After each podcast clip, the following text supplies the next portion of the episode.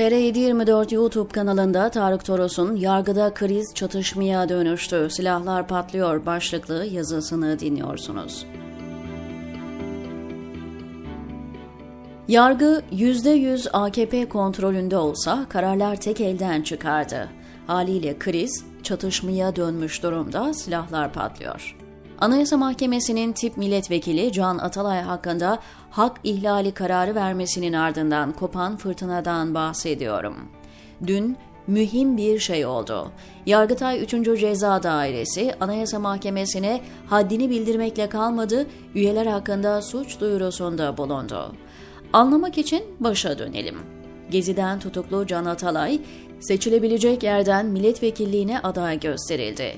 20 Nisan'da adaylığı kesinleşti. 5 gün sonra Gezi davasının görüldüğü İstanbul 13. Ağır Ceza Atalay'ı 18 yıl hapse mahkum etti. Karar kesinleşmediği için Atalay seçime girdi ve Hatay'dan milletvekili seçildi. Yargı sürecinin derhal durdurulması ve tahliye edilmesi gerekiyordu, öyle olmadı. Avukatları konuyu iki kere Yargıtay'a götürdüler. Sırasıyla 3. ve 4. daireler tahliye taleplerini reddetti.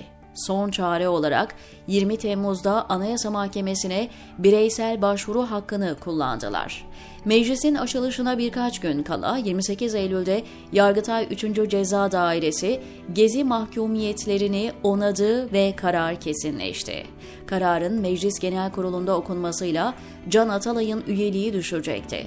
Gözler Anayasa Mahkemesi'ne çevrildi. Anayasa Mahkemesi bu defa hızlı hareket etti ve 25 Ekim'de Can Atalay'ın seçilme hakkıyla kişi hürriyeti ve güvenliği haklarının ihlal edildiğine hükmetti. İlk derece mahkemesi yani İstanbul 13. Ağır Ceza, Anayasa Mahkemesi iki kere gereğini yap diye yazmasına rağmen bocaladı, topu kararı onayan Yargıtay 3. Ceza Dairesi'ne attı. Halbuki AYM kararlarına uymak anayasal zorunluluk. Madde 153, derhal cezaevine tahliye yazısı geçmesi icap ederdi, yapmadı, yapamadı. Tuhaf biçimde gözler Yargıtay 3. daireye çevrildi, ne yapacak diye. Karara uymuyorum dese, mevcut Türkiye normlarına göre şaşılacak bir tutum olmayacaktı. Öyle yapmadığı gibi AYM'nin anayasayı ihlal ettiğini, yetkisini aştığını iddia etti ve AYM üyeleri hakkında suç duyurusunda bulundu. Bu arada anayasa ihlallerine AYM bakar. AYM üyelerini Yüce Divan yani AYM yargılar gibi yerleşik kaideyi hatırlatmaya hacet yok.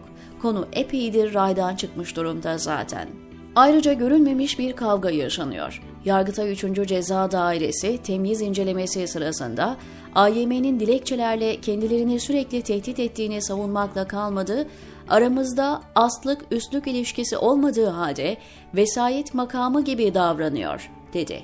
Hatta daha da ileri giderek Anayasa 154'e göre ilk derece mahkemelerince verilen karar ve hükümlerin son inceleme merci benim ifadelerini kullandı. Bunun adına ister büyük anayasal kriz, ister anayasaya darbe deyin. Ankara'da bir eşik daha aşıldı. Anayasa Mahkemesi tam anlamıyla bitirildiği gibi üyelerine parmak salladı. Pek sanmıyorum fakat minnacık onur kırıntısı olan orada bir dakika bile durmaz cübbesini asardı. Elbette böyle olmayacak. Konu tek başına AKP veya Erdoğan meselesi değil. Öyle olsa Yargıtay ve AYM farklı tellerden çalmazdı. Nitekim AKP Genel Başkan Yardımcısı Hayati Yazıcı derhal bir mesaj yayımlayarak hiç ve asla olmaması gereken öylesi bir olay yaşıyoruz. Yazık, çok yazık. Devleti oluşturan erkler sorun çözümler. Birbirini çelmeleyemez, dedi. Yazıcı, AKP'nin siyasi ve hukuki işler başkanı, Erdoğan'ın uzun yıllar avukatlığını yapmış bir isim. Konuların içinde yani. Mesele hak hukuk değil. Öyle olsa 16 Temmuz 2016'da AYM'nin iki üyesi kelepçelenip tutuklanırken ses vermek icap ederdi. O tren kaçtı. Konu anayasaya darbe filan değil.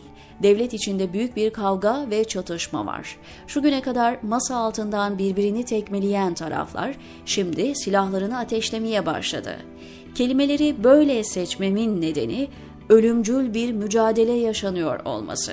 Saraydaki hastalık zamanla her yeri sarıyor. Ankara'da işler nicedir kontrolden çıktı. Yeni yeni anlaşılıyor, diyor Tarık Toros, TR724'deki köşesinde.